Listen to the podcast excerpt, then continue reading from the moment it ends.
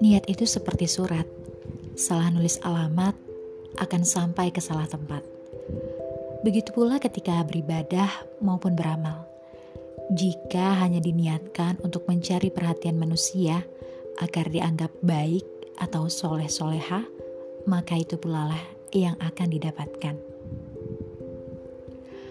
Rasulullah Shallallahu Alaihi Wasallam dalam sebuah hadis riwayat Bukhari dan Muslim menjelaskan bahwasanya sesungguhnya setiap amalan tergantung pada niatnya. Setiap orang akan mendapatkan apa yang ia niatkan. Siapa yang hijrahnya karena Allah dan Rasulnya, maka hijrahnya untuk Allah dan Rasulnya. Siapa yang hijrahnya karena mencari dunia atau karena wanita yang dinikahinya, maka hijrahnya kepada yang ia tuju. Memulai start beramal dengan niat yang salah hanya akan membuatmu sibuk mencari perhatian pada makhluk. Padahal, bukankah justru itu hanya akan membuatmu letih tak berujung? Sekalipun yang kau lakukan adalah kebaikan, namun jika dimulai dan berada di jalur niat yang salah tanpa ada revisi untuk diluruskan, maka hasilnya pun tidak akan benar.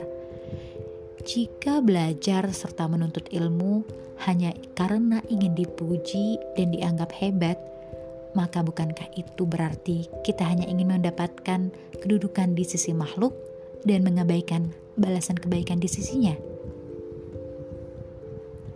Ingat kembali, kamu hanya akan diantarkan sesuai dengan niat yang kamu tuliskan.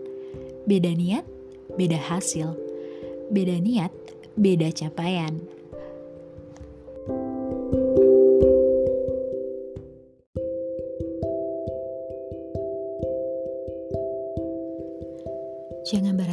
Baik, sekalipun engkau tak dibalas dengan baik.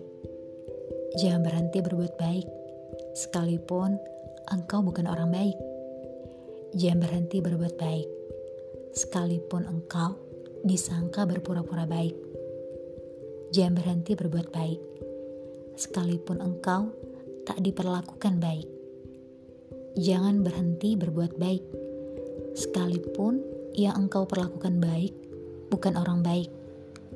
Bahkan, jangan berhenti berbuat baik, sekalipun dunia tak menganggapmu baik.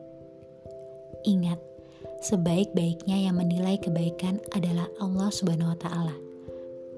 Tak peduli bagaimana buruknya engkau di hadapan manusia, kamu hanya perlu melakukan yang terbaik versinya. Sungguh, malaikatnya tak pernah lengah dalam mencatat tiap gerak-gerik langkahmu.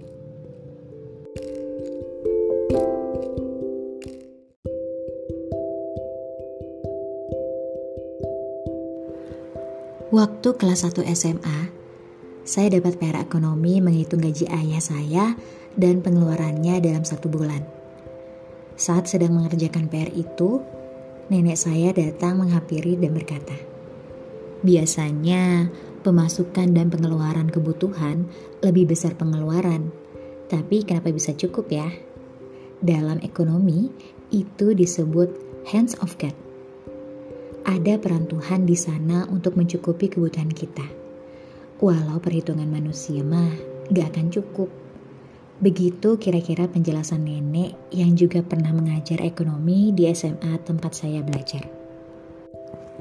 Masya Allah ya, untuk mencukupi kebutuhan sehari-hari saja, Tuhan, pencipta kita, tak tinggal diam.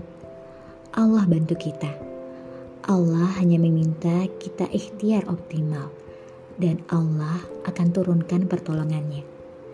Dan hal ini terjadi untuk semua fenomena kehidupan. Seseorang yang saya kenal bercerita betapa maha kaya dan maha baiknya Allah – yang telah memberikannya rumah padahal saat itu kondisi suaminya sedang tidak punya pekerjaan.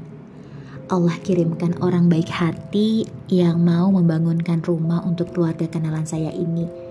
Biaya pembangunannya pun dicicil semampunya. Kalau menggunakan kacamata manusia, kondisinya saat itu gak akan bisa punya rumah. Lain lagi dengan kisah guru yang sangat sederhana. Yang bermimpi ingin pergi ke tanah suci. Dengan gaji yang pas-pasan, ia mulai menabung sedikit demi sedikit. Dan ketika ada rezeki, ia tabung uangnya dalam bentuk sedekah pada anak yatim. Sambil terus berdoa, semoga Allah memanggilnya ke Baitullah. Hingga suatu saat ia ikut diberangkatkan ke tanah suci oleh seorang yang baik hati yang Allah kirimkan padanya. Masya Allah, tabarakallah. Semua fenomena dalam kehidupan kita ada peran Allah di sana. Kita hanya diminta ikhtiar maksimal dan berdoa. Baik itu masalah pekerjaan, sekolah, hubungan suami istri, keluarga, anak-anak, bahkan peperangan. Teringat peristiwa Perang Badar. Kala itu kaum muslim hanya 300-an melawan musuh yang jumlahnya jauh lebih banyak. Akal manusia menjudge pasti gak akan menang. Tapi karena kaum muslim berperang untuk Allah, melibatkan Allah dalam aktivitas perangnya, Allah menangkan kaum muslim. Tak ada yang mustahil bagi Allah, walaupun dipandang utopis oleh kebanyakan manusia. Untuk kehidupan hidup, untuk kebutuhan hidup kita saja, Allah yang cukupkan. Ada hands of God, apalagi untuk kemenangan yang Allah janjikan. Jangan berputus asa dari rahmatnya. Jangan berputus asa dari dikabulkannya doa kita.